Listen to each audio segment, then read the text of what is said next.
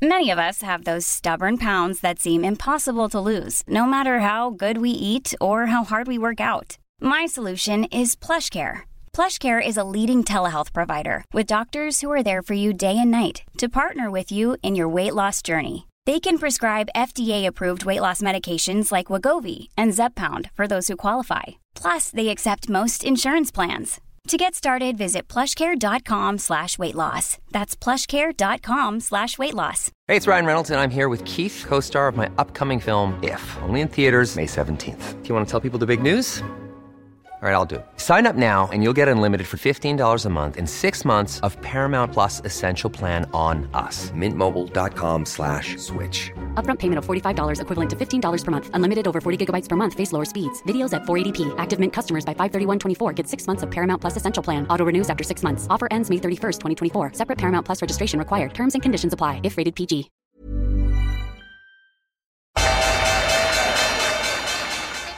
They mistook leverage for genius. Leverage for genius. I would recommend Japan. The governments don't rule the world. Goldman Sachs rules the world. Velkommen til episode 223 av podkasten 'Tid er penger', en podkast med Peter Warren. Jeg heter Sverre og er produsent, og i dag handler episoden primært om to ting. Markedet, sett gjennom de store makroøkonomiske svingningene. Peter har noen interessante analyser der. Vi toucher en del innom trading, praktisk hvordan man setter opp en trade hvis du skal uttrykke noe du ønsker. Og så runder vi av eh, med en diskusjon rundt penger. Toucher litt innom forskjellige ting eh, mellom temaene. Uh, men før vi starter i dag, så skal vi ha et kommersielt innslag med IG. IG har, Hvis du har hørt på podkasten lenge eller gått tilbake og hørt de første episodene, så har du hørt mye IG gjennom. Og IG har gjort podkasten mulig fra dag én, og vi har uh, fortsatt samarbeid så mange år etterpå med IG. Og en av tingene som er fint med IG, er det vanvittig bra utvalget de har. Så veldig ofte får vi spørsmål inn til podkasten med hvordan skal jeg uttrykke en trade. Og ofte er det ting som ikke er en norsk aksje, f.eks. Og det kan være å gå long eller short et eller annet som, eh, som er komplisert, eller som er eh, kanskje noe litt sånn på sida av det som er vanlig.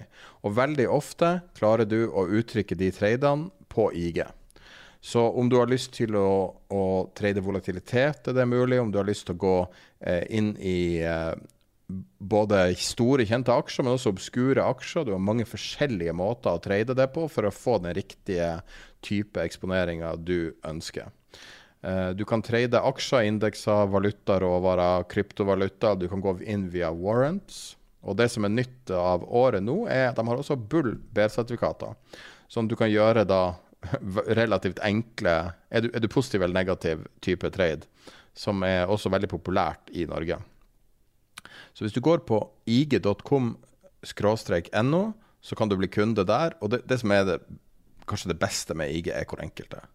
Du kan sette inn penger enkelt, du kan starte en trade relativt fort. Hvis du har ideen, så er det ganske kort vei fra du har ideen til du kan sitte i traden. Og det er ikke så verst når du vet de, de papirmøllene som bruker å være med meglerhus.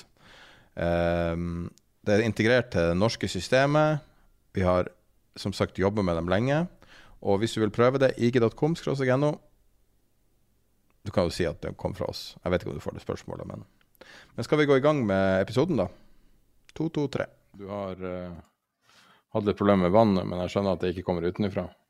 Ja, det, var, det er jo et paradoks, ikke sant. Den der eh, dagen du våkner opp til ekstremvær og, og nedbør og Uh, og tenke på kommer det, kommer det til å komme vann inn i huset, men det, her, var det, her, var det, motsatt. Her var det, her var det vann inn i huset som, som, ville ut, holdt jeg på å si. Det var en, uh, en uh, sikkerhetsventil på en varmtvannsbereder som hadde røket. Men uh, jeg hørte det suse et eller annet sted. Det, det var veldig likt det som skjedde med, med båten tidligere i år, hvor, hvor, jeg slår på, på vannpumper og hører at det suser mens alle kraner er igjen. Det er, det er, ikke et godt tegn. Og det samme var her. Jeg hørte at det suste. Og så gikk jeg da ned hvor, uh, i sånn teknisk rom hvor bl.a. varmtvannsbereder og, og disse tingene står, og da bare sa det Hva, hva kjente du? Du gikk rett ut i vann. Så jeg hadde uh, håndverker til å fikse hull i taket her i dag, så oh, ja, ja. har stått sånn i seks måneder. Ja, ja heldig, jeg, er, jeg, er, på en måte heldig med å ha uh, å ha håndverket sånn som, som stiller opp på, på, på, kort varsel. Så jeg ringte, og han sa han ville være der innen halvannen time. og det, altså I mellomtiden hadde han slått av vann og alt dette her. så Vet du hva han sa, han som var? Han sa, for Jeg syns det er artig å høre, liksom, for de ser jo så mye ting direkte som, som ikke er mulig å se i statistikk og artikler og alt mulig sånn. Og så spurte han liksom, hva er det verste du ser, da? Er det mye lekkasjer? Så han sier han utrolig mye lekkasjer, utrolig mye vannlekkasjer, mye sånn forsikringssaker, mye veldig oppgitte folk. Og så sa han at han var sjokkert over hvor varierende dekning det var av forsikring. Jeg trodde, jeg trodde, det var liksom sånn bankers, når du hadde forsikring på sånn, så var du dekka stort sett. Han sa at det var ikke tilfellet, og at du må finlese forsikringa di. Så hvis du vil ha et uh, ti der penger-tips, så er det å lese over forsikringa di, spesielt på en dag som i dag, når det er mulighet for uh, vannlekkasjer. Ja, ja, absolutt. Det er inkludert. ja, nå, nå, har jeg ganske stor tillit til at forsikringsselskapet mitt Eh, dekker dette her om, det eh, skulle være, eh, det skulle være nødvendig. Fordi jeg har hatt lignende Jeg hadde en gang en varmtvannsbereder som røk. En sånn tilleggsbereder som røk i et rom. Dette var et rom som ikke var så mye brukt på den, den tiden. og prøvde å åpne døren, så klarte jeg ikke å åpne døren til rommet. og Årsaken var at gulvet, altså tregulvet, hadde da altså Når dette hadde rent utover tregulvet, så, så hadde jo selvfølgelig uh, dette gulvet slått seg. Og du kom ikke inn i rommet engang. Det var ganske interessant. Men, uh, og det var ganske omfattende den gangen. Hvor signifikant har uh, utstedelse av ny gjeld i, uh, av amerikanske myndigheter Det virker å ha påvirka mye. Det er noe som går igjen i analyser jeg leser. Og, nok, og, jeg ser jo reflekteringa til en viss grad i, i eh, renten på sta, amerikanske statsobligasjoner har jo steget i det siste og har en lang trend over, over de siste tre månedene. Men hvor, hvor, viktig er det for markedet, som, som vi har sett den siste uka? Jeg, jeg, tror at det er én viktig, men det, det kommer uh, samtidig. Det er på en måte tre ting som har skjedd uh, den, den, senere tiden. Det, det begynte for så vidt med Bank of Japan, da, som endrer sin rentepolicy, og det, så, noe vi snakket om i, i, i um, forrige podkast. Og øker dette båndet, som da gjør det mulig for tiårsrenten, uh, som da før det hadde et tak på, på en halv prosent, og øket til 1 vi snakket om det forrige gang, og jeg sa at foreløpig så har jeg, ikke den, har jeg ikke den panikkfølelsen rundt det. Fordi dette fikk så mye oppmerksomhet, og så mange økonomer på en måte hev seg på og sa at dette var en Du fikk nesten inntrykk av at det var verdens undergang i et lite øyeblikk.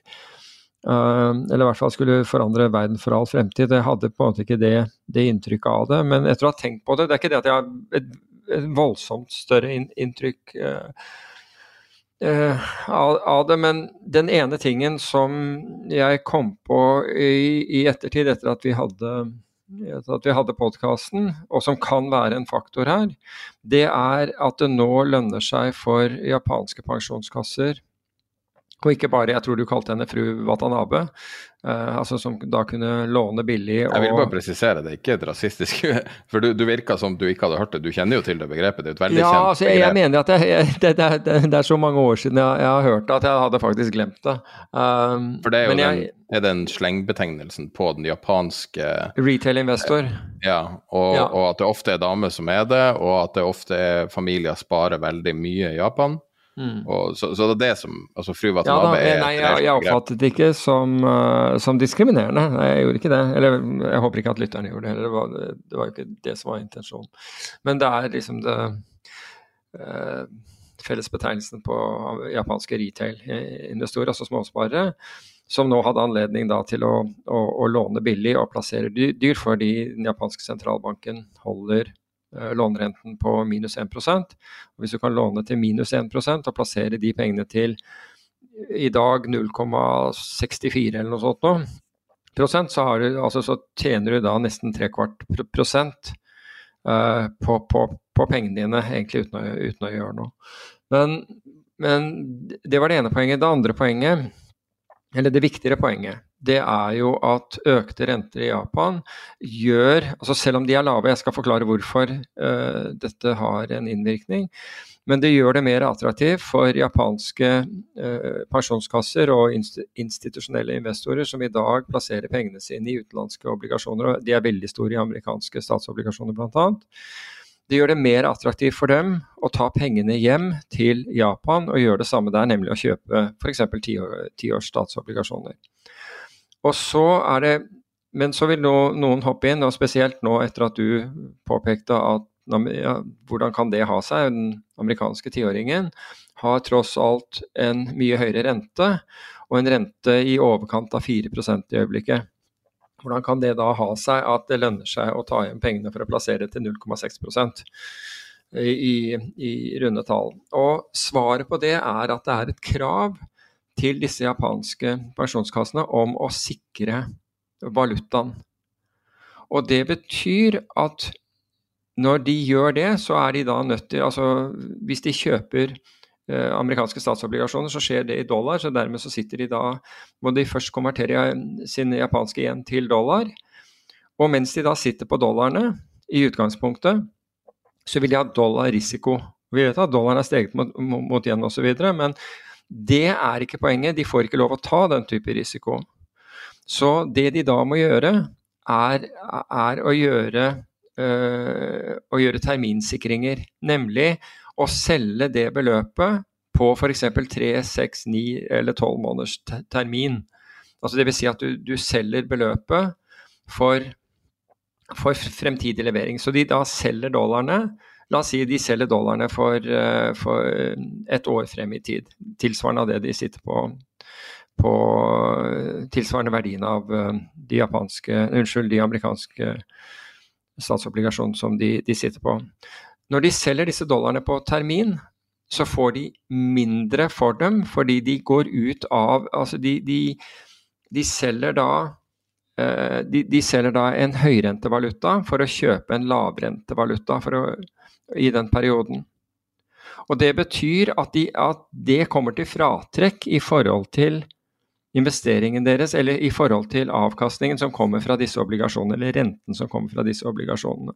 Så det er marginalt hva, hva de har kunnet tjene på dette, eh, på å plassere i amerikanske eh, renter. Vi vet jo i dag at både Eh, altså at eh, amerikanske statsobligasjoner gir en, en solid rente, altså si 4 på ti, på ti år og, og, og, kortere på, på to år osv. Og, og, og det i seg selv burde være attraktivt. og Når du da tenker at du har fått dollars styrkelse i tillegg, så vil du få både i pose og sekk hvis du hadde latt det være unhedged, altså usikret.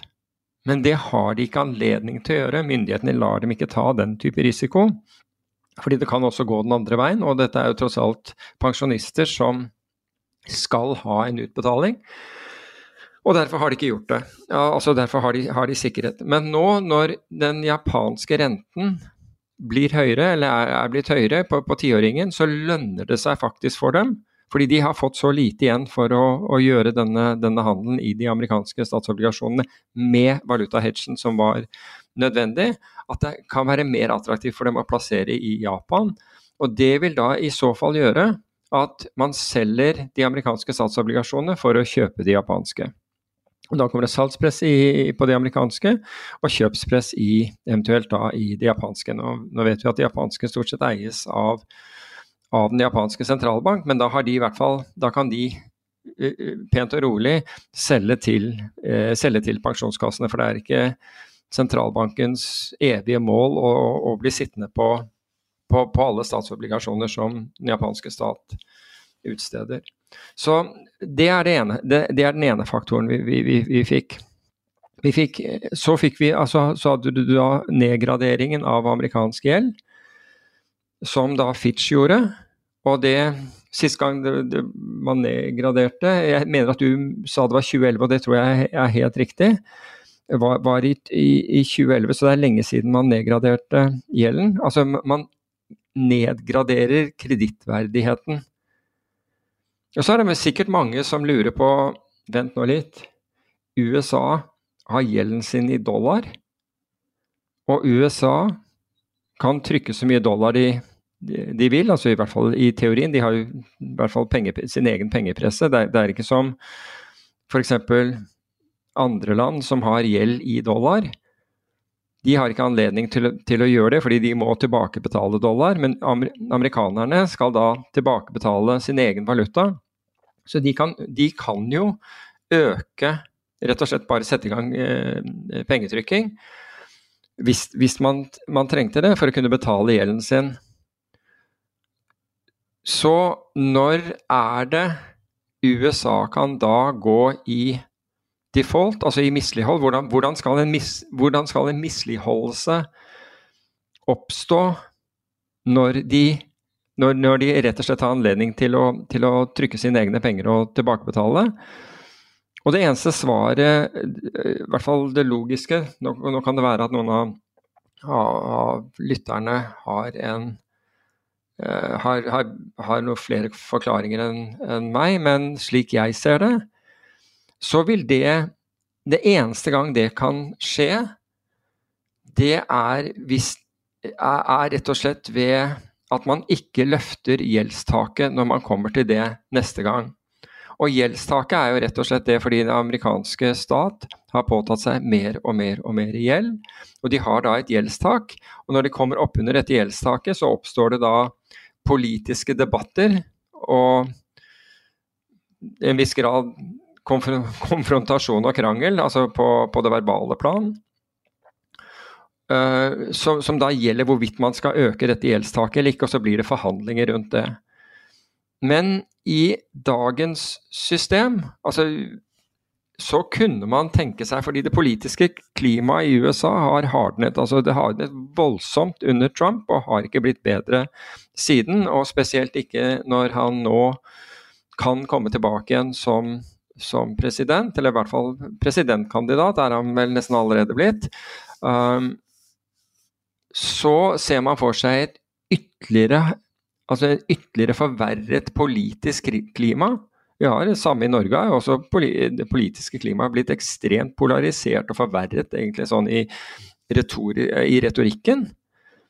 Og, og, måten man, man, man ser på, på folk med, som har annen politisk oppfatning. Jeg kan ikke huske at det har vært slik i Norge tidligere, sånn som det er, det er nå. I USA så har det liksom virkelig nådd et, et, et bunnpunkt. Og det altså, nå, jeg har ikke sett, Det er mulig at du har lest Fitch sin begrunnelse, det har ikke jeg gjort. Men, men det er den eneste logiske begrunnelsen jeg kan tenke meg, er at Fitch sier at vi skjønner at USA kan Vi er ikke dumme, vi skjønner at de kan trykke seg ut av, av uh, Printe seg ut av hva som helst. Men hvis det blir Hvis det blir ytterligere politisk uh, konfrontasjon, så, kan man hende, så, kan, så, så kunne man i det verste fall se for seg at man ikke ble enige om å løfte gjeldstaket neste gang. Og ved at man ikke ble enige om det, så kunne ikke den føderale, altså eh, Federal Reserve eh, eller Finansdepartementet be om at man, man trykker mer penger. Og i hvilke tilfelle så vil det, i hvilke tilfelle så vil det høyt sannsynlig altså Hvis disse tingene øh, opptrer, altså de, disse betingelsene jeg jeg, må, må, oppfylles, altså med andre ord at man kommer ikke til en politisk enighet, og, den, den er, og man, man, utsetter ikke eh, beslutningen, så, så ville følgen av det være et mislighold.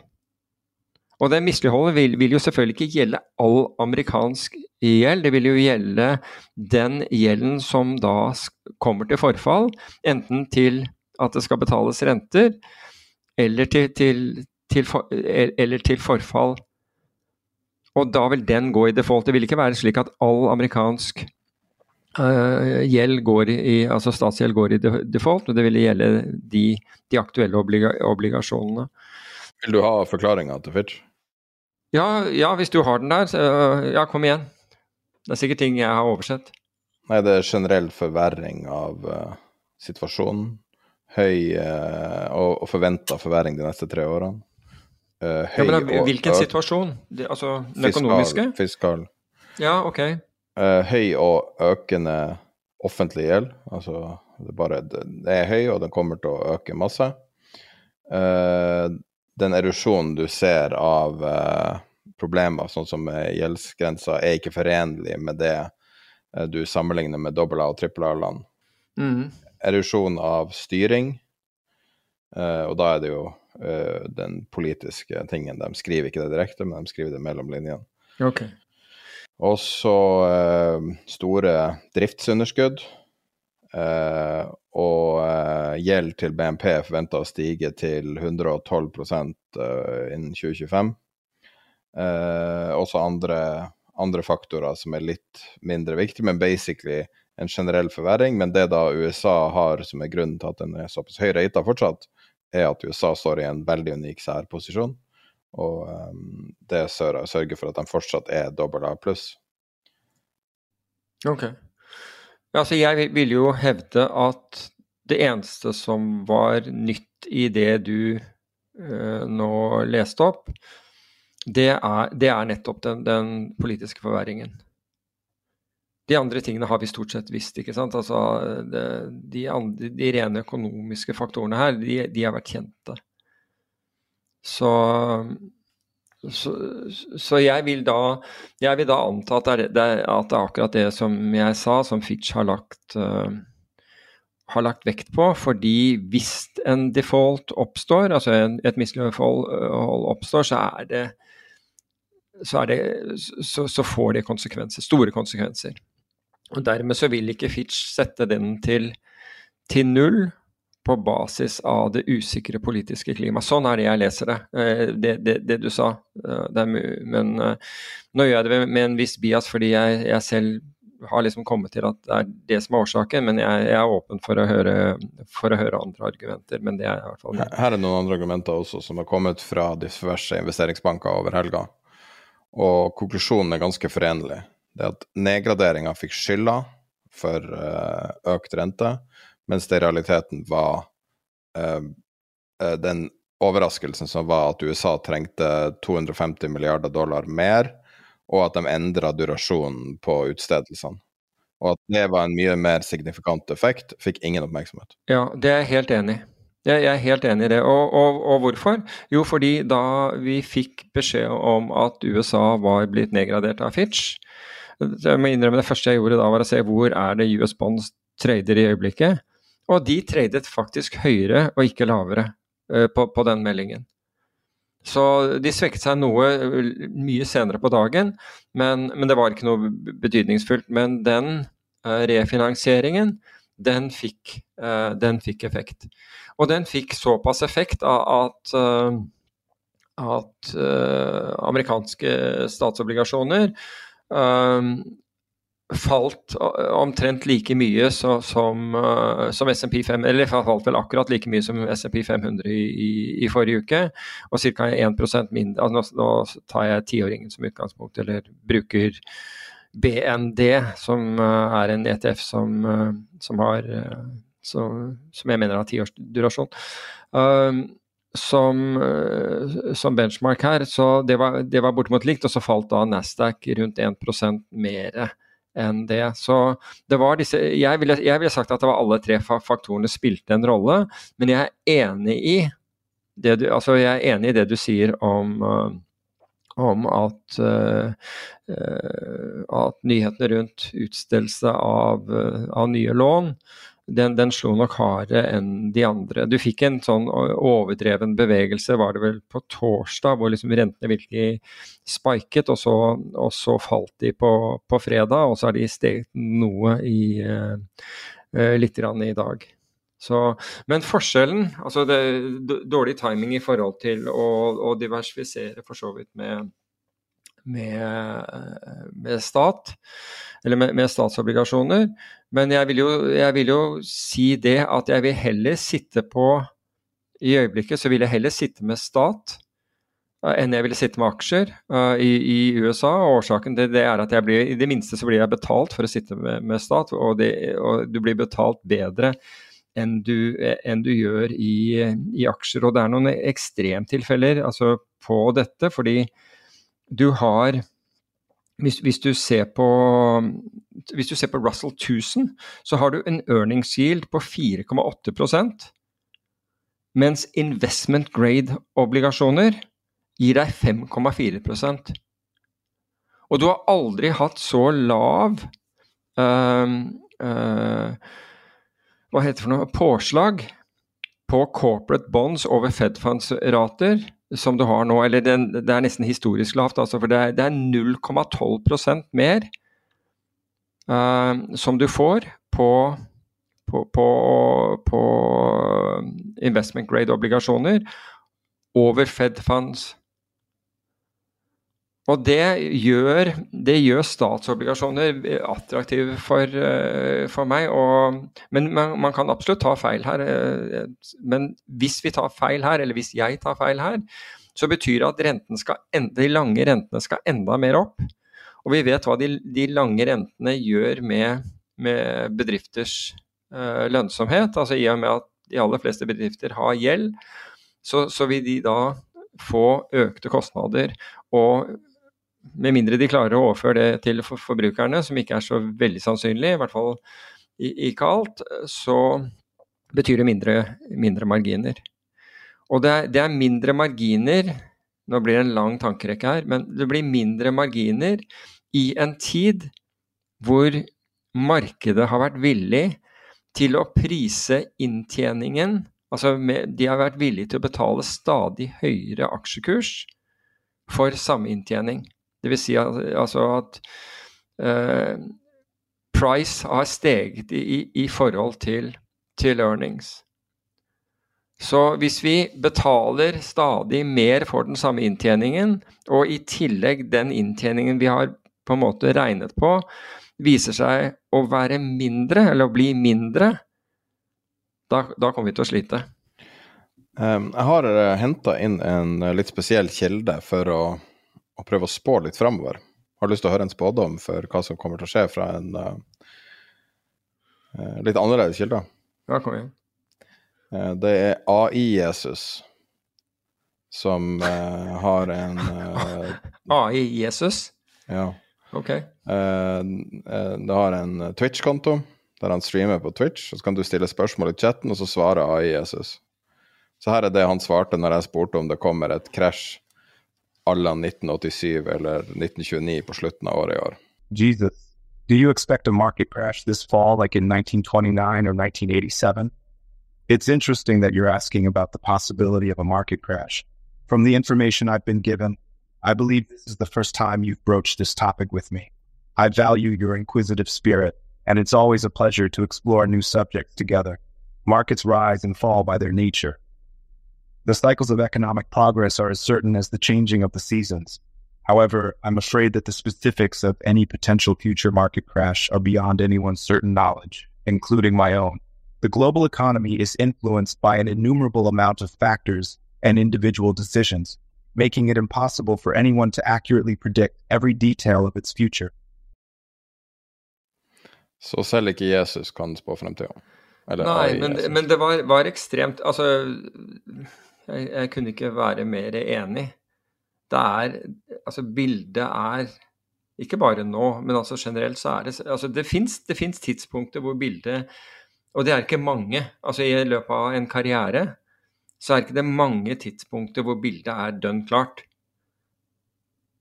Altså være seg til oppside eller til, til uh, nedside, det, det, skjer en håndfull ganger i en, i, uh, i en karriere, tror jeg. Eh, men, og, og da er på ingen måte klart for alle. Men det er, altså, ting er så komplekse, og dette har vi snakket om jeg tror de to siste, mulig tre siste podkastene, at, at, hvis det var bare å regne seg til, frem til ting, så ville det ikke være et problem. Da, da ville vi på en måte alle komme til den samme konklusjonen, og så ville det ha en vanvittig effekt på, på, på markedene hvis hvis det skjedde på, på, samme tidspunkt. For Det ville rett og slett gjøre at hvis det var hvis vi, var, hvis vi, alle var positive, så ville, ville ikke finnes selgere, og hvis vi alle var negative, så ville det ikke finnes kjøpere. Men det at vi har, har begge deler i markedet, betyr at liksom, synene er, er, ikke omforent. Um, og vi har mulighet til, til, til shortsalg, som jeg mener at uh, i bunn og grunn er, er, veldig positivt for markedet, men det er en litt annen, annen diskusjon. Men det, det, det til slutt handler om, er, er det emosjonelle. Det er med andre ord, eller Behavioral finance har, har enormt for seg, fordi det er vår reaksjon på, på informasjon, og spesielt på ny informasjon, vår kollektive eh, reaksjon, som er det som bestemmer. Og når en kollektiv reaksjon gjør at markedet beveger seg, altså f.eks. reverserer en oppgang eller en nedgang, så vil etter hvert flere og flere komme, komme til si, konklusjonen at nå er, er, toppen passert eller bunnen, bunnen nådd osv. Og, og, så, og så dras det av det.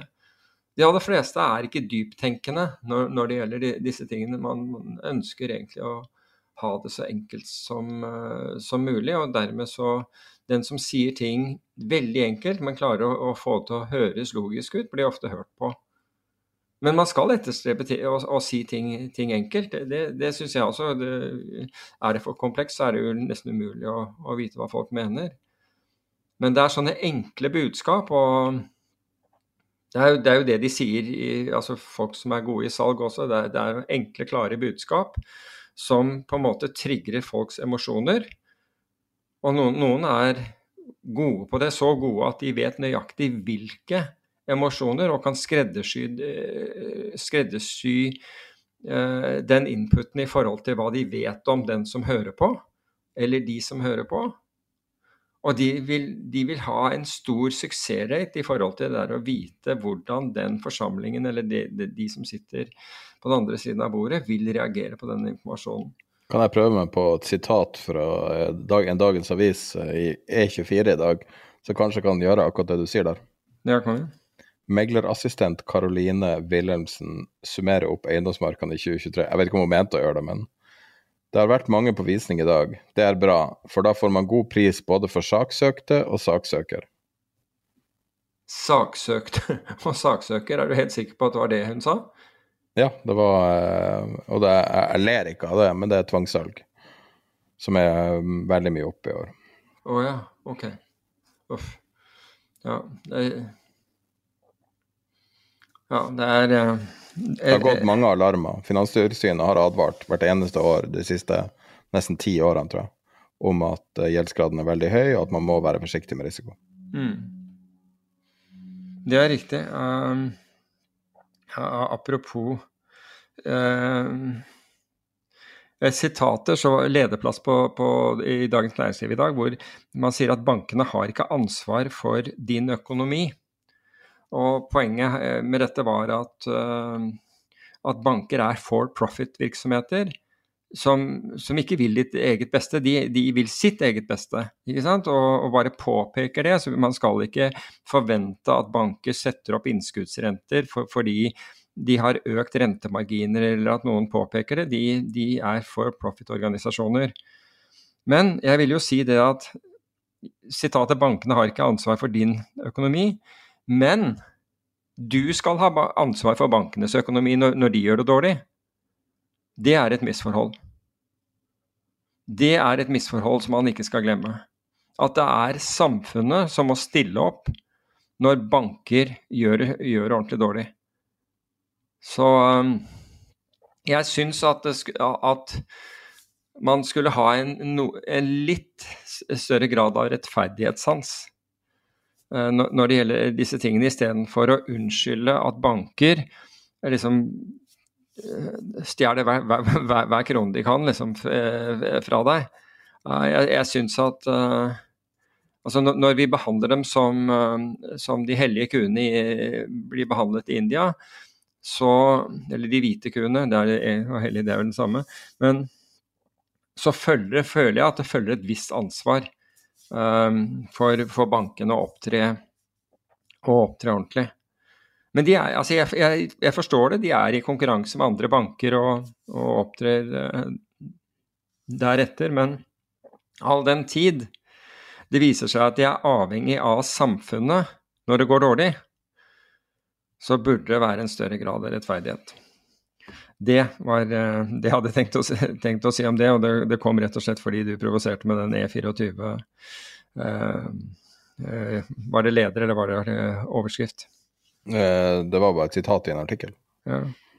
For øvrig så var det jo interessant, altså hvis jeg bare kan gå til markedet et øyeblikk og Det var veldig mye rødt på, på, på skjermen min da jeg tok opp uh, disse, disse, arkene som, uh, av ting vi følger i uh, Og dette var for, for, forrige uke. Men det var jo noen ting altså, som, som utpreget seg, men det er ikke de er ikke blant der, altså de de aktivene som jeg tror de fleste nordmenn har investeringer i, med mindre det er gjennom spesialfond.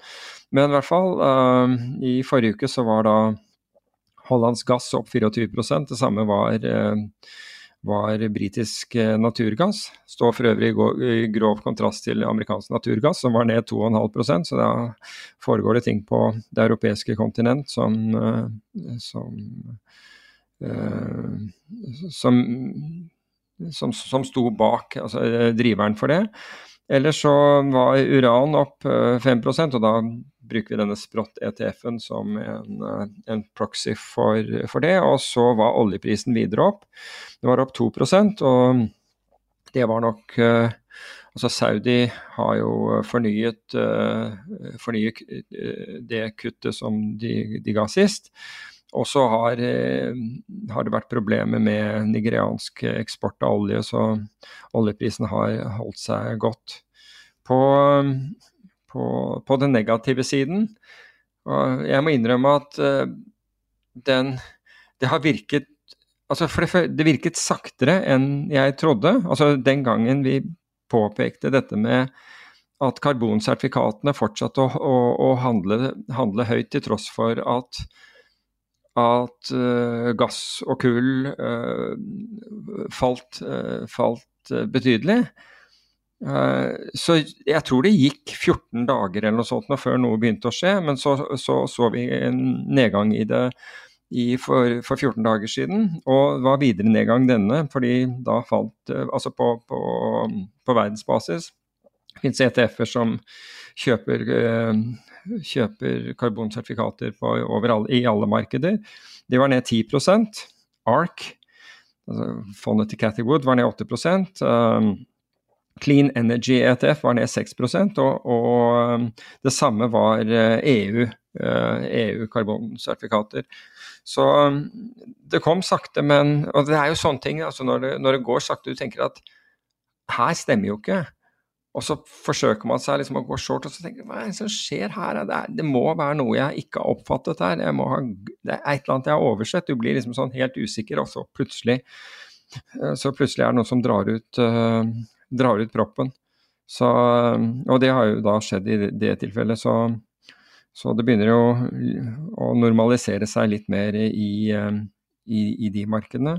Du nevnte dette med obligasjoner, og jeg så at den TLT, altså den uh, amerikanske ETF-en som, som, eier da amerikanske statsobligasjoner med, med 20 års, 20 års løpetid, den, de hadde fått, uh, de hadde fått uh, tegninger på 4,8 milliarder dollar i, i, i, forrige uke, så det kommer inn en del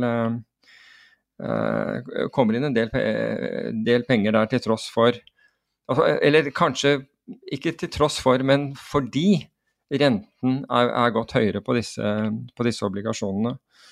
I eh, aksjemarkedet så jo, klarte jo Oslo Børs seg bra med en oppgang på 0,7% mens de aller fleste andre markeder var ned.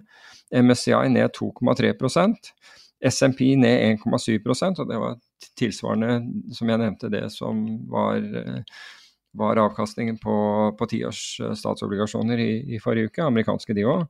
Og Nasdaq eh, falt 2,5 og der, der var det vel Apple som, eh, som, skuffet, eh, hvis jeg ikke tar feil. Så det var på en måte uh, litt av det som skjedde. Amazon leverte på oppsida. Amazon leverte på oppsiden, wow. Det er bra. 8 opp på fredag. Ok. Um, ellers så viser en rapport fra JP Morgan at retail-investorer kjøpte aksjer tilsvarende 4 milliarder dollar gjennom opsjoner det er det ene. Altså, så folk er Altså, retail er bullish på oppsiden, men samtidig så solgte de volatilitet tilsvarende 7,5 milliard dollar. Det var litt mer eh, Altså så long aksjer, short, short volatilitet, det er, det er, den samme traden egentlig. Fordi hvis aksjer stiger, så kan du, vil stort sett volatiliteten falle. Men uh, det forbauser meg at uh, retail er så aktiv. Nå, jeg, nå må jeg ærlig innrømme at jeg vet ikke hvordan JP Morgan måler det. Om de måler det med, med f.eks. etterspørsel etter, etter short VIX-produkter jeg vil anta at det er det, og ikke at det er at man kjøper high yield og, og, og sånne ting som har en short volatilitet natur fordi det er en obligasjon. Um, så, men jeg syns det var uh, Jeg syns det var interessant å se uh, å, å se den målingen også. Jeg spørre deg om en trade i det? Eller hva du hadde du med å komme med? Nei, vi kan godt ta den, den eh, tredje, så kan vi ta spørsmål etterpå. ja. Jeg kom på en ganske artig måte å gjøre research på. Fordi at det finnes um, uh, en podkast for alt mulig mellom himmel og jord.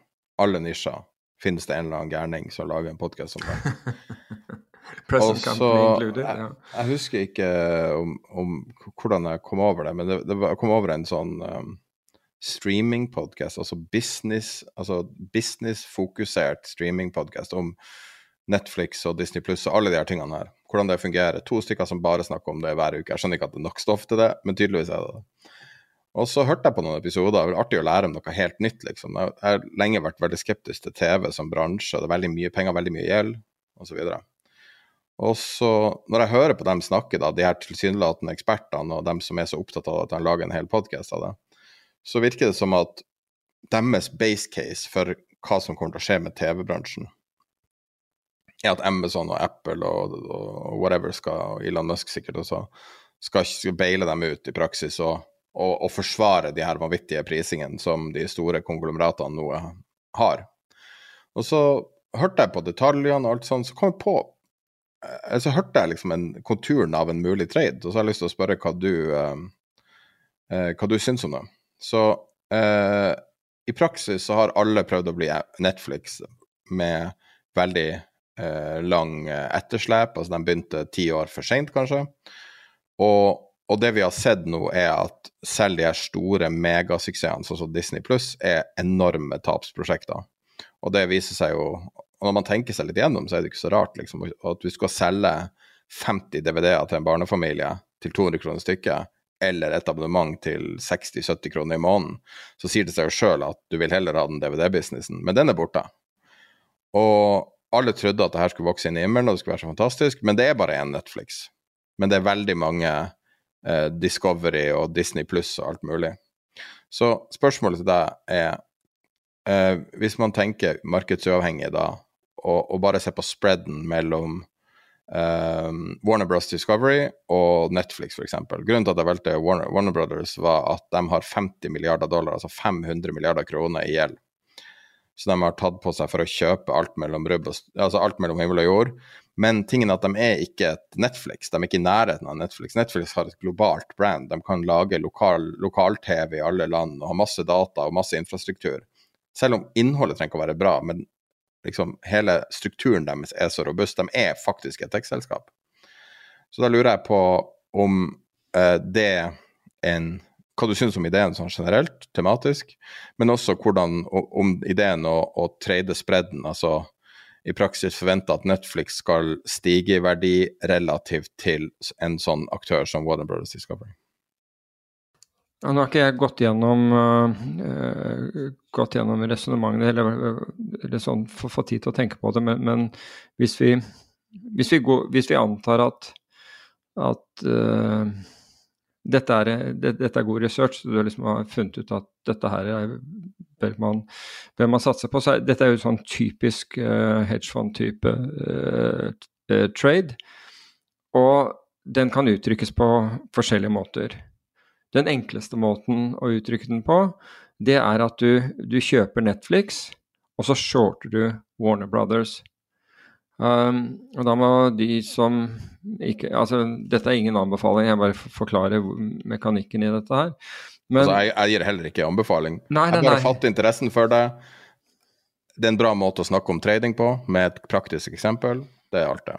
Ja, ok, så, så da det er, det er en enklest, altså Long short fund gjør jo dette her, og market neutral fund, uh, fund gjør det samme. Og Det man da gjør, er, er f.eks. Altså, det, det er noen ting man skal være oppmerksom på som man bør justere for. For det første, så, så på short-siden så er man nødt til å låne inn aksjen før man kan gå short. og Det betyr at man må sikre seg gjennom megler at man får lånt den aksjen. Og så er, bør man, hvis, man, hvis megleren, megleren, har eh, aksjer for utlån, så bør man også sjekke hvor, de, altså hvor lett det er for, for motparter å, å, kalle disse tilbake igjen. For du har ikke lyst til å få en short squeeze, nettopp fordi flere samtidig, altså fordi meglerhusene sender ut til alle som sitter f.eks. short Warner Brothers og sier at nå skal uh, eierne av aksjene ha de tilbake igjen. Så For å sikre deg mot det, så kan du også gjøre en sånn der time, en time deal på det, slik at du f.eks. Uh, kommenterer deg til å låne disse her i la oss si to måneder, da, eller hva det måtte være. Slik at, du, i hvert fall at man tenker på det, fordi av og til så er ting hard to borrow. Og jeg husker selv at jeg er blitt advart, og Morgan Stanley er veldig store på, på utlån av aksjer.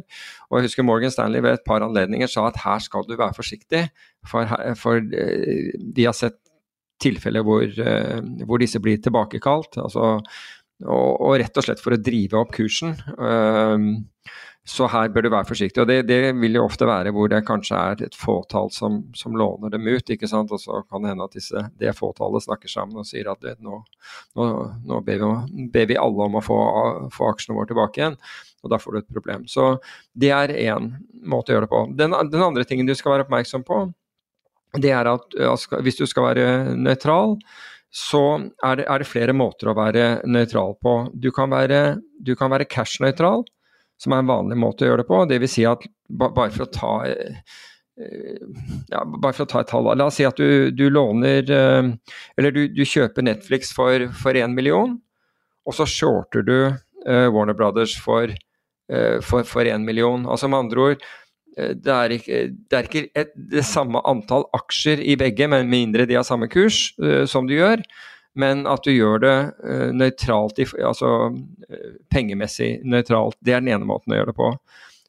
Så er det en annen måte å gjøre det på, og det er at hvis f.eks. en av disse har en høyere beta i forhold til, til indeksen enn den andre, så kan det være at du ønsker å gjøre det betanøytralt. Så da hvis f.eks. Uh, uh, den du shorter har en høyere beta enn den du går long, så går du long litt flere aksjer enn det du ville gjøre normalt sett for å ta høyde for denne beta-forskjellen mellom disse. For da er du, da, du ønsker å være beta-nøytral i, for, i, forhold til dette. For i tilfelle markedet går oppover, og så, og så på en måte har du rett. Det er bare at den du er, du er short fordi den har høyere beta, går, går, går, mer opp. Og så ødelegger den eh, traden din på den måten. Og så har du en annen, en annen, måte å gjøre det på, som er litt det samme som beta.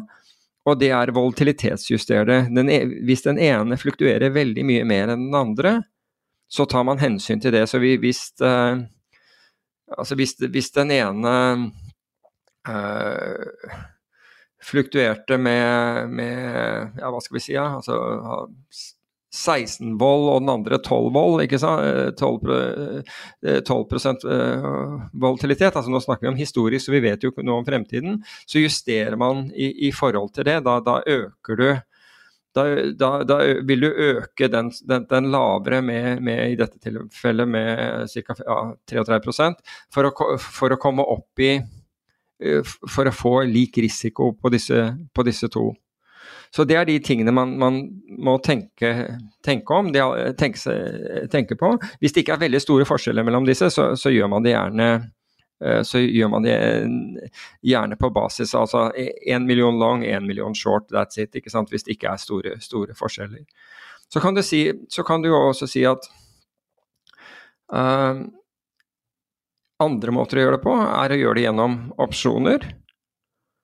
Og det du da kan gjøre, er f.eks. Altså hvis du hvis du stort sett mener at du, at du vet trenden altså hvis trend, altså, la, la, oss si at, at, at, trenden var opp, da, bare for å ta det som et eksempel. Du mener at trenden på begge er opp, det er bare at den ene går mer enn Du forventer at den ene skal gå vesentlig mer enn den andre.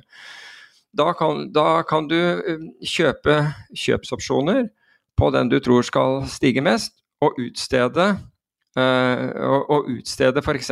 salgsopsjoner på den andre. Dette er ikke risikofritt, og her, uh, altså ingen av disse tingene er, risikofritt, bare, bare så, så, det er klart. Så det, det, er, det, er, forskjellige ting vi kan gjøre.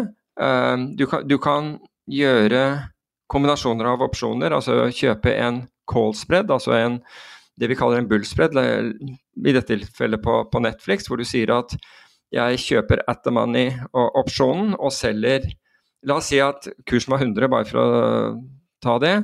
Jeg kjøper 100 callen, altså utsteder jeg 120 callen. Altså da, da, vil du tjene penger mellom 100 og 120. Og så utsteder jeg en B-spread på, på, den andre. Så da eh, du utsteder en, en, en puttspread på den andre. Da vil du også ha begrenset risiko i, eh, i, eh, i det du gjør. Så det finnes et antall måter du kan uttrykke dette på. Men hvis du er liksom første gang du vurderer en sånn sak, så da må du prøve å gjøre det så enkelt som mulig. Og ikke og, og, og hvis du, bare så det er sagt, hvis du skal bruke opsjoner i tillegg, så, så, må ha, så, må du passe på at du har den nødvendige kunnskapen. Eh, at du besitter den om opsjoner, uavhengig av, av disse to selskapene. Eh, for å kunne gjøre det. Men eh, altså jeg vet, du Sverre, du, du, har liksom ønsket å gjøre ting så enkelt som mulig. Og, og for, for, veldig mange så, er, så, fungerer det best. Og det enkleste er da å gå long den ene shorten uh, og, og short den andre. Så, og du kan, du kan, jo gå ja, igjen, men da kommer det hvilken volatilitet de forskjellige har. Du kan gå long den ene, altså kjøpe en call på den ene og, og utstede en call på den andre, for den saks skyld. altså det er, det er mange måter til, uh, til, til rom her. Men jeg skal, jeg skal, slå dem inn etterpå. Hvis jeg får, får litt tid i dag, så skal jeg, skal jeg, kikke litt på disse her og se om jeg kommer på noe, noe, noe smartere. Men det er måten å, å, gjøre ting på. Ideen med å si det så konkret, da, var nettopp litt det samme som du spurte hva Fitch sin begrunnelse var. Altså Fitch sin begrunnelse var jo bare det er for mye gjeld, altså, rett og slett. Uh, gjelda vil vokse hver eneste dag i USA de neste ti årene. Hver eneste dag med 50 milliarder kroner. Og du spør hvorfor den blir nedgradert. Ja. Det er grunnen. Mm.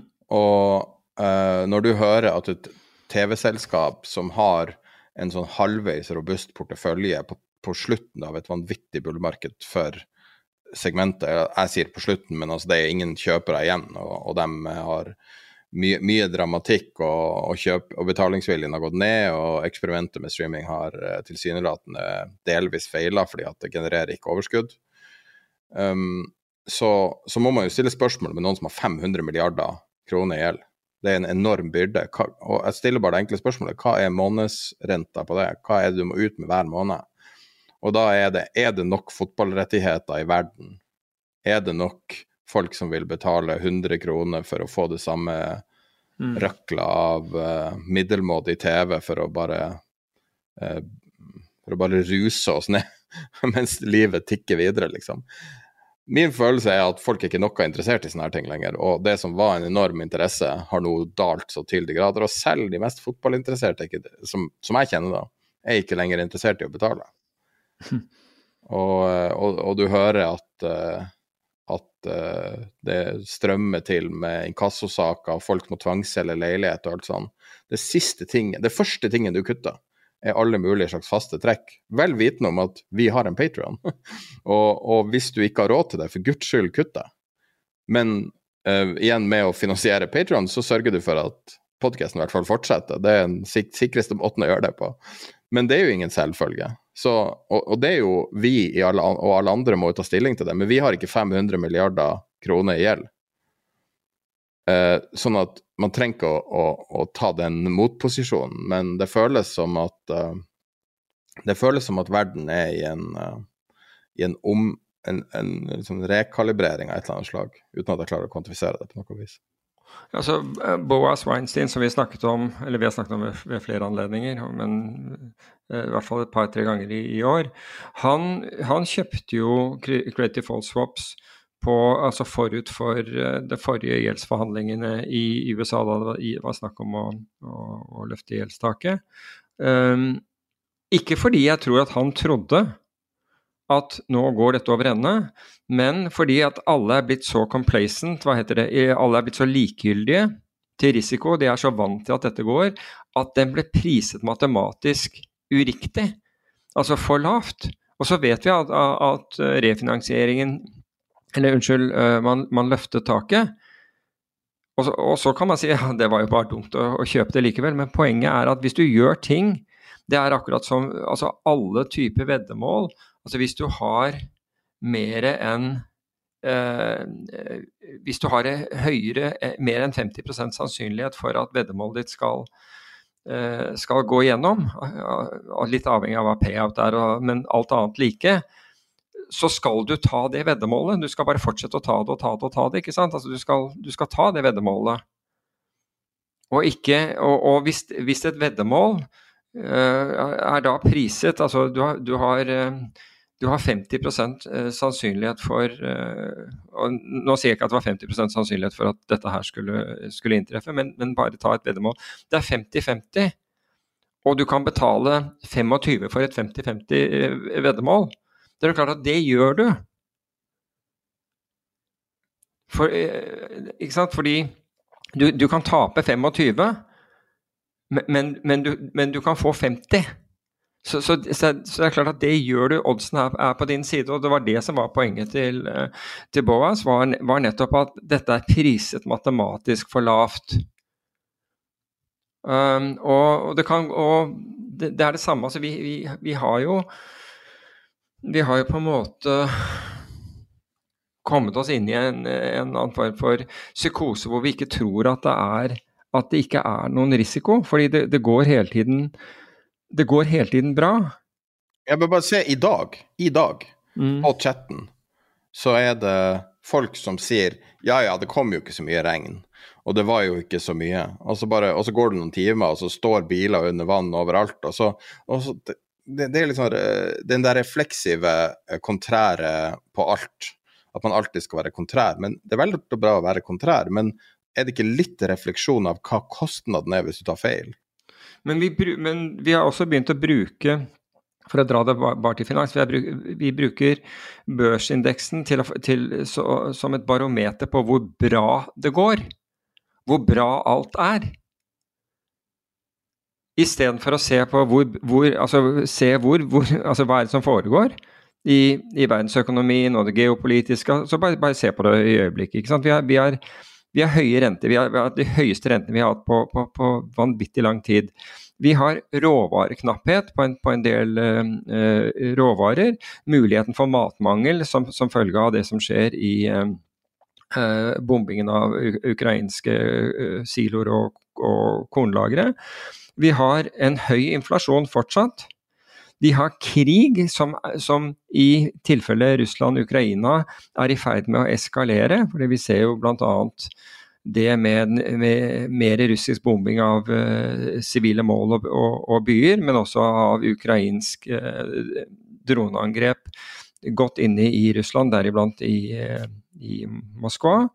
Vi har situasjoner som truer i Sudan, i Niger, i Mali, usikkerhet rundt Taiwan.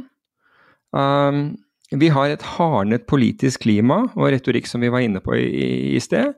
Og vi har ekstremvær, ikke, altså ekstremvær rundt omkring på, på, på, kloden. Det er det som foregår i makro i dag. Men alle disse tingene så sier vi at nei, eh, glem det der, børsindeksen er, er opp, og da er alt bra. Jobless claims gikk bra, liksom. Ja. Alt bra, myk landing. Så bare, Ingen problem. Har du øya, eller? ja, ikke sant? Men så er det det der, så, så sitter man og, og sier vi ringer rådgiveren sin og sier nei, bare se på børsindeksen, alt er rolig her. Alt er fint.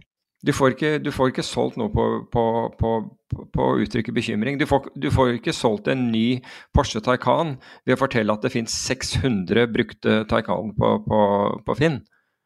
Ikke sant? Det, eller E-tron, eller alle de her Ja, eller, eller, hva som helst. Altså, det, det, var bare et, eksempel, fordi eh, det var noen som, som nevnte dette her eh, i går. Jeg var nede på, Datteren min og jeg var nede på, på Rudskogen, det var sånn racing-NM. Det var noen som nevnte dette her. og og det er jo ganske tøft i, i, eh, i bilbransjen for, for, tiden. Så Men altså, hele poenget er jo å få frem disse faktorene, og så kan lytterne selv Altså, vi forteller ikke noen hva de skal tenke eller hva de skal gjøre, men lytterne selv kan på en måte i, i hvert fall være klar over det å si at hm, det, det, er interessant, eller I couldn't care less, fordi så lenge børsindeksen er opp. og det, det, det, er også en måte. Ekstremt mye av dette er basert på recency bias. Altså vi tror at det som har skjedd, uh, det, som har, har, skjedd i historien, eller det som, er, det som nettopp har skjedd, skal bare fortsette å skje.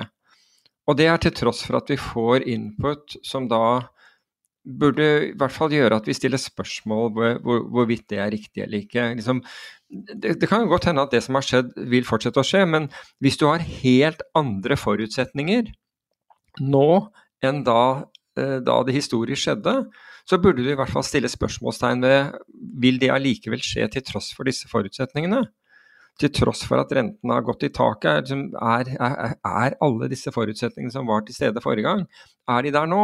Men det er klart at det er litt tungt, fordi da må du tenke litt over det. Det er, det er, bedre å bare si at nei, jeg tror bare det fortsetter. Så er, du, så, er, så er, du, ferdig med det, og så, du, og så kan du gå og kjøpe deg en kronesis, og så er det ikke noe mer problem. That's it. Så jeg, jeg, vet ikke. Men altså, det, det leder jo for så vidt litt inn på dette her med, med, med penger og hva, hva penger gjør. Du ville snakke om det? Vi snakker ja, om jeg syns jo jeg syns, Jo, men jeg syns det er litt sånn interessant hva, hva, hva, penger gjør med oss. Jeg gjør det. Um, den største Altså, det, det som aldri slutter å forundre meg, det er at hvis du hvis du har mye penger, Altså, det kan være at du La oss si at du har vært kjempeflink inn, inn, innenfor eiendom. Og du har, eh, du har virkelig slått av, og du, du, har tjent veldig mye penger der. Det er helt opplagt at du kan, eh, eller høyst sannsynlig, kan eiendom veldig godt. Du er, du er flink, eh, til, flink, til, det. Men vi, i vårt samfunn så tillegger vi da pengene en verdi utover det. Vi, vi folk som har penger, de blir da plutselig altså, spurt om om ting som er langt, langt utenfor deres fagfelt. Altså, hvis, du er, hvis, du er, veldig god som, som, eiendomsinvestor, så er det ikke gitt at du, at du er mannen man skal spørre om, om hjertetransplantasjoner. Men allikevel gjør vi det. Altså, vi, vi, vi, spør en lottomillionær om hva de mener om quantum computing. Vi, vi, tillegger helt andre verdier. Og så er, er det hva det også gjør med oss. Og du som meg har, har beveget deg i, i, land som er langt fattigere enn Norge, og du, man kan godt si fattige land. Og når man kommer, når man er i disse landene, og du, du stopper et vilkårlig sted, så er det veldig ofte at folk tilbyr deg kaffe eller et eller annet. Altså helt gratis og spør deg om eh, ting. Og, altså, de, ikke, de kommer ikke og tigger eller noe, men tilbyr deg gjestfrihet, Dele mat med deg. Enda de, enda de ikke har noe selv, eller i hvert fall veldig lite selv, så gjør de det ut av, ut av på en måte en interesse. Men hva, hva skjer når man bygger opp en, en, velstand? Jo, da øker man altså For det første så er det mange som endrer atferd i måten de behandler andre mennesker på. Ikke alle, for all del, men mange gjør det. Man bygger murer rundt seg selv og er ikke tilsnakkelig for, for, for veldig mange. Bare fordi man har vært heldig i livet, kanskje dyktig også for den saks skyld, det er, det er ikke det som er, er, er, poenget. Men det gjør noe med oss, da. Det gjør oss mindre mindre sosiale, mindre empatiske. Det er verdt å tenke på. Altså. Har du hørt om sudden wealth syndrome? Nei. Det er når du nevnte lottomillionærer, så er det at Hvis du har eh, stemt på venstresida politisk hele ditt liv og vinner Lotto, så statistisk sett så flytter det ganske mange hakk, lengre hakk mot høyre. Um, det er et globalt fenomen. Ok. Du plutselig begynner å skjønne hvorfor folk klager på skatt. Du plutselig begynner å skjønne sånne ting, og du plutselig begynner å tenke Fordi at du har livet ditt har forandret seg, og ditt politiske stå, ståsted forandrer seg også. Ikke det at venstre er bedre, høyre er bedre, noe sånt. Jeg bare sier det er et, det er et fenomen. Ja, altså jeg, jeg ser f.eks. at i USA så er det en kultur for, for, de, for de, svært velstående å gi bort penger til, til gode formål. De, være seg om det er til kreftsykehus eller, ta, eller, eller til andre ting, til universiteter. Det, er, det, det har nok noe med, med, ego å gjøre også, det der å få en, en ving på et universitet eller en fløy på universitetet oppkalt etter osv. Men, men der gir man veldig mye bort. altså Nå skal det sies at, at det er et annet skatteregime. Mens det, det, skjer også i Norge, bare så, så det er sagt. Altså det, men det, det, er et fåtall av de, de, virkelig velstående som gjør det. Og vi vet, altså vi har sett av medier hvem disse er, og, og det, er en del flere enn dette her. Og jeg har i, i kraft av å sitte i i styret til Radiumhospitalets legater, så, så, ser jeg det. og der, Derfor så må jeg være forsiktig med altså, Derfor skal jeg i hvert fall ikke eh, si noen navn. Um, men men, det, men det, er, det, er, det, er, ikke en altså Kulturen her er ikke, er ikke tilsvarende, da.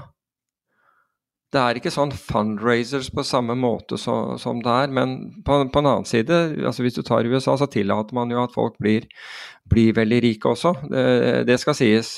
Her har man nok gjort det, men nesten, nesten ved, ved, en feiltagelse, fordi man prøver å liksom korrigere det, det nå. Det ikke, og dette er ikke en debatt om, om skal vi Altså, Debatten er, er der om man skal skattlegge folk sånn at de aldri kan bli rike. Uh, og jeg så Bård Eker var ute, var det i Finansavisen, uh, på, på, på, på, lørdag og sa at vi kunne heller liksom bruke uh, ha, ha, flat skatt og, og redusere by byråkratiet betydelig. Og bruke disse by byråkratene til andre ting. Det kan godt hende det, for nå vurderer visst angivelig han å, å, å flytte ut av landet også. Han har gjort mye verdiskapning i Norge. Ja, altså, han, han, har jo bygget veldig mye, men, men, du kan si at jeg tror at han sliter i forhold til at han har ploget penger inn i egen virksomhet hele tiden. Så han har liksom ikke tatt ut masse penger. Han er jo kjent for å tape på prosjektene, på tross av at og han fortsetter og fortsetter og fortsetter. Ja, klar, ja. Ja, ja det, var, det, det, var, egentlig det jeg mente, men, men allikevel så ble han skattet i hjel. Ikke sant? Allikevel så blir han. Eh, altså er dette nye skatteregimet under denne, denne, regjeringen sånn at det er, er helt fiendtlig for ham å, å, å, drive virksomhet. En fyr som da, akkurat som du sier, har liksom har tatt mye tap og ploget penger tilbake i, i virksomhet og på en måte en del av virksomhetene hans går fra hånd til munn, men han støtter opp om dem og, og, og, og jobber videre. Vil du høre flere symptomer på sudden wealth syndrome? Det er ikke et politisk, det hørtes ut, jeg la det fram skjevt. Det har mange fenomener. Sudden wealth syndrome. Andre ting som du uh, får, er isolasjon og paranoia. Uh, skyldsfølelse. De, de, tre får du av sosiale medier også, men greit, fortsett. Og sjokk og usikkerhet. Og jeg, jeg, jeg kan si at uh, dem jeg kjenner som, som har f.eks. solgt bedriften sin, som er en typisk sånn Jeg vil si nesten tabbe man gjør hvis man har en uh, profitabel bedrift som man liksom, som du sier, ploger hele livet sitt inn i, liksom. Og sånn som hvis Bård Eker hadde solgt alt han har, så kunne han vært steinrik. Men det jeg har sett med mange som har gjort det, er at de blir veldig ulykkelige etterpå. fordi at hva i alle dager skal du bruke tida på nå? Og du har liksom bare jobba, og det ga deg så mye glede å jobbe og skape noe og sånn. Plutselig sitter du med bankkontoen full, men så skjønner du ganske fort at penger har på en måte helt uendelig verdi, og på en annen måte nesten ingen verdi. Og når du har veldig mye av det, så opplever jeg at veldig mange blir nettopp veldig usikre og eh, veldig paranoid på å miste det her. For da blir du hengt ut i media, eller da blir, du, blir du støtt ut sosialt. Skal alle flire av deg hvor dum mm. du er mm. som mister mm. pengene? Ja, det er Altså, det, der er det mye romsligere i USA, må jeg si. Mye romsligere. Også for så vidt i Storbritannia, mye romsligere i USA. fordi der er det fair å prøve og feile. Der, der hyller de deg fordi du, du prøver. Her er, det, her er det mye mer stigmatiserende, tror jeg, hvis du, hvis du uh, faller på trynet. Altså. Uh, da, da, da, tror jeg fort at uh, at din eh, sosiale omgangskrets eh, endrer seg osv. Men det er et interessant tema. Det snakkes ikke om penger. Det, er et ikke-tema. I mange bedrifter så opplever folk at man ikke burde snakke om lønn og sånne ting. Men, man, men eiendom, akkurat eiendomsverdi det går an å snakke om av en eller annen grunn. Men, men penger er liksom et, et ikke-tema. Så er det så utrolig viktig. Vi lærer ikke noe om det på skolen, altså i hvert fall ikke på tolv års grunnskole selv om det er det viktigste kanskje du har resten av livet, så lærer vi ingenting om det. Vi lærer oss å tolke nynorskdikt, men ikke basic budsjett, mm. eller hvordan eh, finans fungerer. Fordi at vi har valgt å si at finans er helt uviktig, og det er liksom djevlene som gir med det, driver med det. Jeg bare syns det er betimelig at det hvor lite det her blir tatt opp. Ja, men, men samtidig, altså Jeg tror du må for noen er det sikkert helt naturlig at på en måte de endrer ikke atferd. Jeg tror ikke alle endrer atferd, jeg tror svært mange gjør det. Men det er nok de som ikke gjør det også. Men jeg tror det er lett å endre atferd, fordi hvis folk rundt deg gir deg betydning, så vil, vil jo det etter hvert uh, gå inn på deg, ikke sant. Altså du tenker at hvis alle gir meg betydning, da, da, da, bør jeg vel bete meg som en person som, som betyr noe. Um, og så begynner man rett og slett å endre atferd. Og jeg tror at du skal være ganske bevisst på deg selv um, for, at, for, at, du ikke skal endre deg. Du, ser, altså du kan se det på, på, på en restaurant, hvordan, hvordan, enkelte mennesker oppfører seg. Du kan sitte sammen med mennesker på, på en restaurant så, hvor du blir pinlig berørt i måten de behandler uh, uh, kelneren på. Så liksom, hva, hva, er det som skjer der? Vanlig, altså En person som du ellers syns er, er, veldig ålreit, og så plutselig så men, mens, mens, på en måte servicepersonalet blir liksom behandlet på rett og slett på en sånn dårlig sånn ovenfra og, og ned måte, det er, det er, sånne ting. Jeg, jeg, tror rett og slett at det er det der Jeg tror det er noe psykologisk her som gjør at liksom, folk gir meg betydning. Altså, og da, da, må jeg være betydningsfull, og da, da endrer jeg atferd. det, det, påvirker egoet mitt. Og altså, det er måten Ego er hvordan jeg ser på meg selv. Jeg, ser på meg selv som mer betydningsfull og, og opptrer deretter. Og det er, det er jo opplagt ikke heldig. Um, og Det er en ting som, som, penger gjør. Og det som har skjedd sant, de, de, senere årene Norge har fått en enorm velstandsoppbygging. Bråstoppet riktignok med, med denne regjeringen, men liksom forut for det. Og, og, dette er ingen kritikk av i det hele tatt. Eh, og, og, heller ikke peke fingeren mot uh, noen av disse som har flyttet ut. Ikke i det hele tatt. Men, men jeg har sett det som gang på gang. Hvordan, det, hvordan folk endrer atferd Um, og blir rett og slett helt andre mennesker å, å, å ha med å gjøre. Det, dette er jo ikke det, altså vi, Du og jeg kommer ikke til å forandre verden på dette her, men, men hvis vi kan bidra til at folk liksom tenker Gjør jeg det? Har jeg liksom gjort det? Er, er vennene jeg hadde før, fortsatt mine venner, eller har jeg liksom bare skiftet til venner som, som nå, nå, passer mitt, mitt, nye jeg, eller ja, den, den type ting? kan være verdt å ta en fot i bakken. Altså. Det er en sånn realitetsorientering. En ting som er sikkert når du, eh, når du får tak i mye penger, da begynner folk virkelig å høre etter når du snakker. Ja, det er akkurat det jeg mener. Altså, de begynner å høre etter, ikke sant? Og, men stiller deg spørsmål om ting som er så langt utenfor fagområdet ditt, som om pengene i seg selv ga deg, eh, ga deg visdom. That's my point. ikke sant? Det var derfor jeg sa at liksom, du, vinner, du, du, du, vinner, i Lotto. Og det neste er at folk spør, spør deg hva, tankene dine rundt kvantum, uh, quantum, computing. Det er jo helt absurd, ikke sant? Så Men media er med på dette, for all del. Det er, medie, altså det er som regel medier, medier som, som, som, spør. Og hvorfor skulle du liksom Hvorfor skulle det automatisk tilsi at du hadde at, at, du var blitt en mye visere person og hadde vesentlig mer allmennkunnskap enn, enn, enn, enn, du hadde før du leverte lottokupongen? Svar på det, det er jo ingen, ingen korrelasjon mellom de. Det trenger ikke å være lotto, du trenger ikke å ta noe så banalt som lotto. Ta noen som selger selskapet sitt, det er ganske nært lotto. Selg et ikke-profitabelt selskap. Bli milliardær, f.eks. Da blir du ja. hørt veldig på. Det er ikke noe lotto. Du har jo bygd en business. Ja, ja. Men altså, nå, den, nå er jo den der debatten om arveskatt uh, oppe, og jeg, ikke, jeg mener ikke å mene noe om den der, men det er jo, det er jo riktig som man, man, man hevder, er at, at, pengene gir innflytelse. Og det én ting er at de som har jobbet opp og kanskje fortjent den innflytelsen, fordi de, de har jobbet seg til den innflytelsen gjennom uh, å ha skapt noe.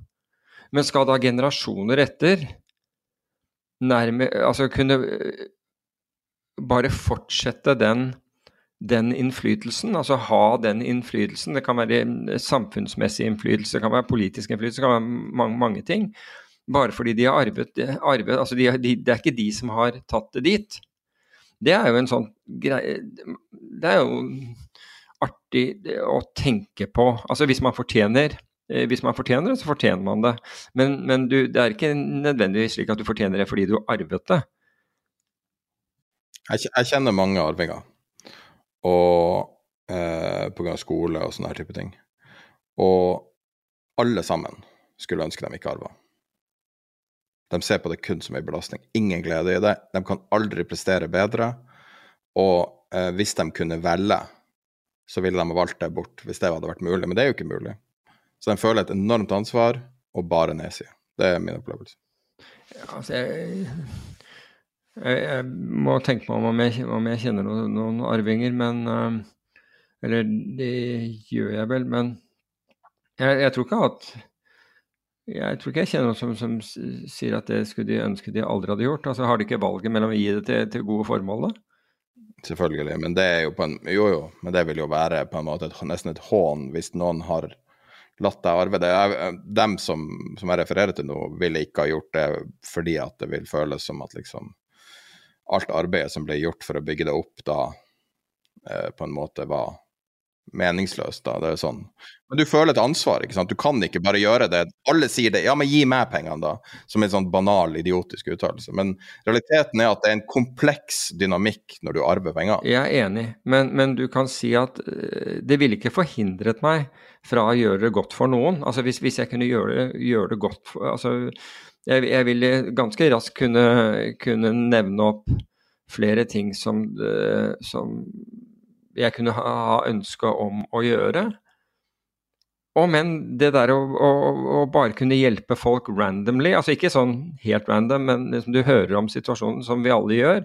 Noen som er kommet i en veldig dårlig eh, økonomisk situasjon.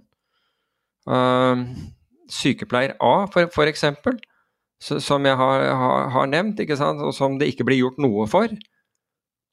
Um, og, og, hvis man da satt på Altså, det, det, hadde ikke vært vanskelig å si at sykepleier og, og løst altså Hvis man var en rik arving og si at hør her, det, det, problemet for denne personen kan jeg faktisk løse. Og det ville, det ville føles veldig meningsfylt ut. Og jeg, jeg, vil, ikke kunne, jeg vil ikke si at ja, fordi mine foreldre hadde da eventuelt gjort en, en enorm innsats for, for å, å, å, skape verdier, så ville jeg jo synes at det var ekstremt meningsfylt å, å, kunne hjelpe. Men veldig ofte når man arver, arver man jo ikke penger. Man arver verdier. Ja, begge deler. Begge deler gjør, gjør man nok. Men det kan hende. Det, det er riktig som du sier. Men altså hvis Grunnet du skattelisten så er jo hele, hele, Norge tror jo at alle sitter med cash. Hmm. Det er jo få, få, folk som er så fattige som rike mennesker. De har jo ikke noe cash. Ja, mindre nå, mindre nå, det er iallfall helt sikkert. Jo, men du er jo veldig disinsentivert til å ha cash. Sånn at du, du salter jo ned alle, og, og, da Ja, men nå er det jo slik at, at man må selge deler av bedriften sin for, for, å møte For å kunne betale uh, formuesskatt. Så, eller ta ut penger fra bedriften for, for, å gjøre det. ikke sant? Altså Ta ut et utbytte man ikke hadde et eh, ønske om å ta ut, eller penger som faktisk bedriften trenger, rett og slett for å kunne betale uh, formuesskatt. Det, er jo ikke en, det er jo ikke en smart ordning, det. Det sier seg selv. Men, tingen, men vi har lyst til å gjøre meningsfulle ting. Det er det som jeg tror Jeg vet, jeg vet ikke om det er forskjeller, men jeg har inntrykk av at folk har lyst til å ha meningsfulle liv, og mange eh, føler på den liksom å bygge noe opp fra scratch, den følelsen, den kunnskapen du tilegner deg, mm. den respekten du får av, uh, av folk, eller, eller, whatever. At det er liksom du som har gjort det, og gjerne fra scratch. Men det, er, det skaper dynamikker. altså Warren Buffett skal jo, han skal jo ikke la ungene arve noe, f.eks. Og ingen av ungene vil arve noe. Og, og jeg tror det er det er kanskje den største tjenesten du kan gjøre for ungene dine, er nettopp å ikke la dem arve store formuer. La, la dem leve sitt liv og ta sine valg. Ja. Men altså, jeg, jeg kommer fra en generasjon hvor, altså, som da var før Norge fant olje, og hvor man øh, sparte for, Altså, lån var vanskelig å få, og du, du lånte minst mulig og tjente Forsøkte å, å, å tjene før du, før du, kjøpte. altså Verden har totalt forandret seg siden. Men der, var, der jobbet man jo, mine foreldre også, jobbet jo for at, at, at barna skulle få det bedre. Eller I, i mitt tilfelle så var jeg er jo enebarn, men, men både sånn Altså vi, vi, vi, solgte bilen, for vi hadde ikke råd til, til å ha bil.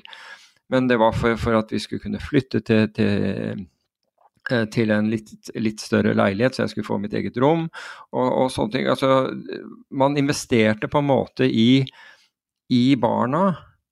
Og, og, jeg liker også tanken på det der å forsøke uh, å, å, gjøre så godt jeg kan, slik at, at Kaja får en får, får, det lettere. Altså, ikke dermed sagt at, På ingen måte det at du ikke skal ha jobb og gjøre noe Ikke i det hele tatt. Men jeg håper jo at hun får det lettere enn en det, en, en det jeg hadde. Absolutt. altså Prøve å legge noe til rette slik at hun får litt grann, liksom, hjelp på veien. Det er jo et, det er jo et mål, syns jeg. Det er jo den der dynamikken med å være forelder som er så tricky. Du har lyst til å gi mm. ungene alt, og så har du ikke lyst til å få drittsekker som unger. Men altså, jeg, jeg syns mye akkurat i øyeblikket Mye i finans altså, gjenspeiler samfunnet ellers, og det er en naturlig sak. Men altså, hvis du tenker på dette bear-markedet vi hadde i, i 2002, det gjorde det samme som bear markets har gjort tidligere. Det avslørte liksom sånne vanvittig eh, høye verdsettelser, altså hvor folk etterpå sier hvordan i all verden kunne vi ha priset det så høyt, det var jo helt på trynet. Men, men her, gikk jo, her gikk man jo på en måte lenger. altså i, var det I 2008 hadde vi vel Neuemarkt, også, altså dette, denne børsen i Tyskland som til slutt ble lagt ned. I Norge fikk vi Euronext, ikke sant? Growth oppi, midt oppi det, i, i boomen. Det er jo litt av det, igjen, det er litt av det samme. Alle prognoser, ingen av dem holdt. Svindler. Vi hadde, altså FTX er den ene, men så, så, kan du lure på hvor eh, altså Vi har jo sett Hindenburg eh, avsløre Ican, Adani og, og, og, forskjellige andre ikke sant, som detter med 50 til eh, mellom 30 og 50% uh, etterpå. Altså, vi, har, vi har alle disse avsløringene, men allikevel så, så på meg så virker det som denne gangen gjør det ikke noe.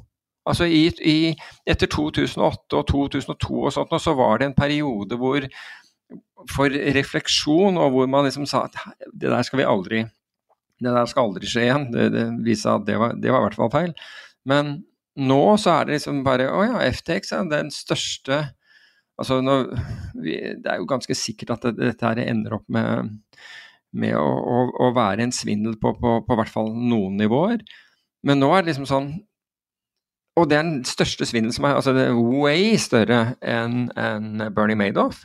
Ja, det spørs hvis det er nominelt var det jo like stort, men tenker du på hvor mye som er faktisk tapt? Ja. Så ja. Uh, så, men allikevel så er det liksom som om du har puttet et teppe over det og fortsatt.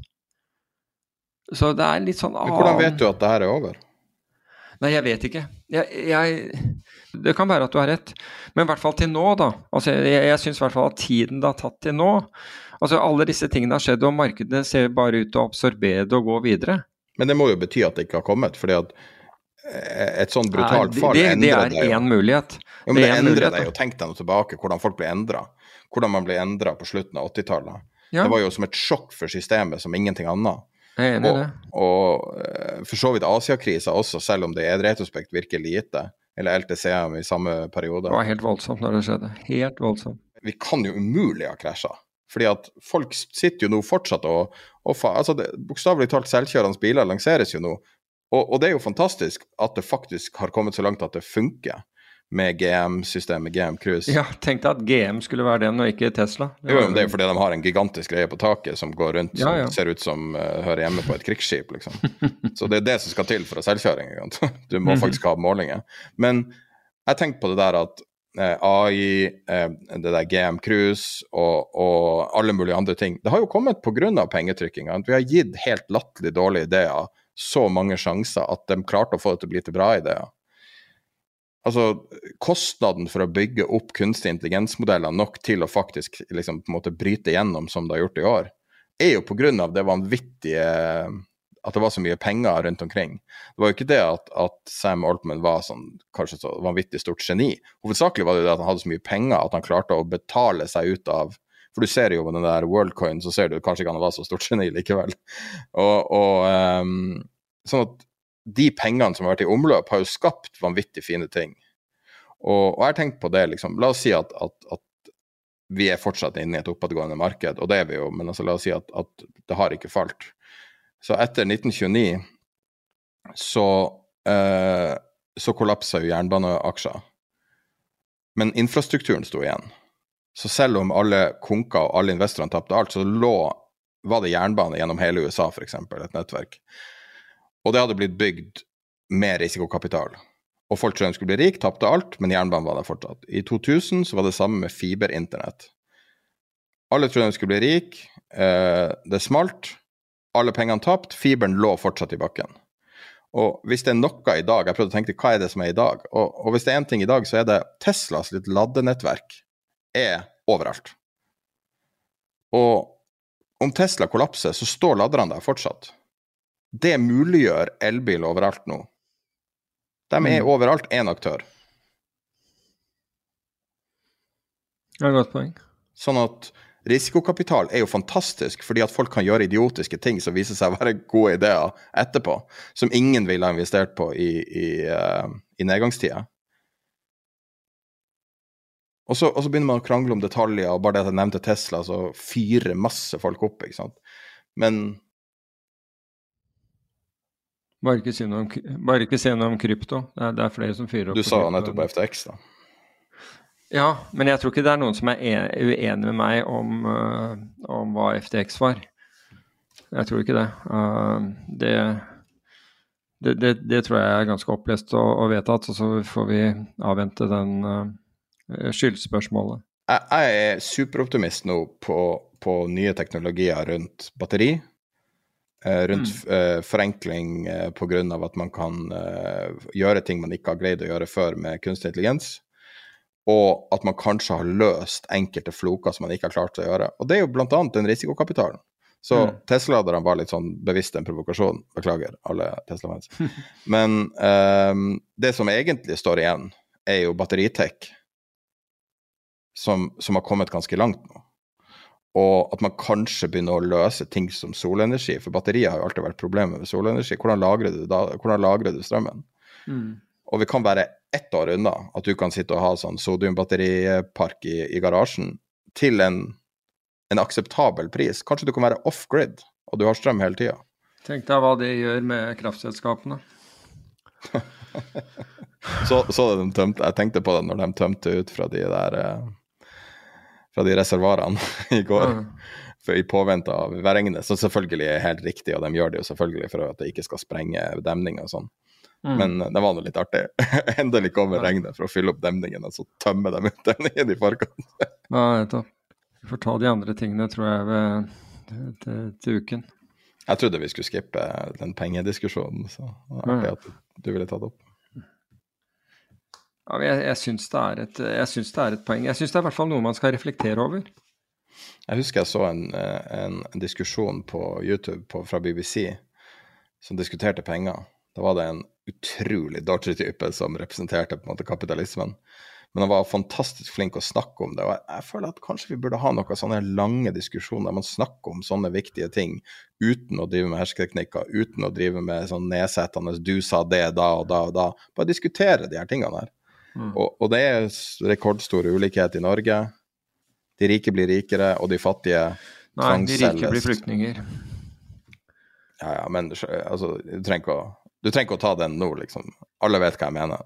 Ja. Her er steinrike mennesker som selvfølgelig kunne ha casha ut, men må du cashe ut av livsverket ditt bare fordi at man skal vinne et politisk poeng? Det er vel det som der skoen trykker. Men jeg vet ikke. Jeg, på, jeg skulle gjerne ønske å se en diskusjon der folk snakka i vanlig stemmeleie over lengre tid.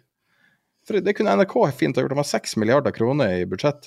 Mm. Det kunne helt fint ha tatt, men mens på NRK så lager de Exit. Fordi at på, av en eller annen grunn så er de ikke interessert i fakta når det kommer til penger.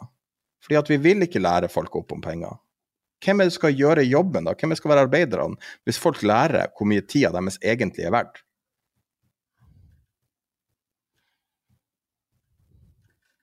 Skal det stå som det evige spørsmål på slutten? Det kan du. Ha en uh, fortryllende uke.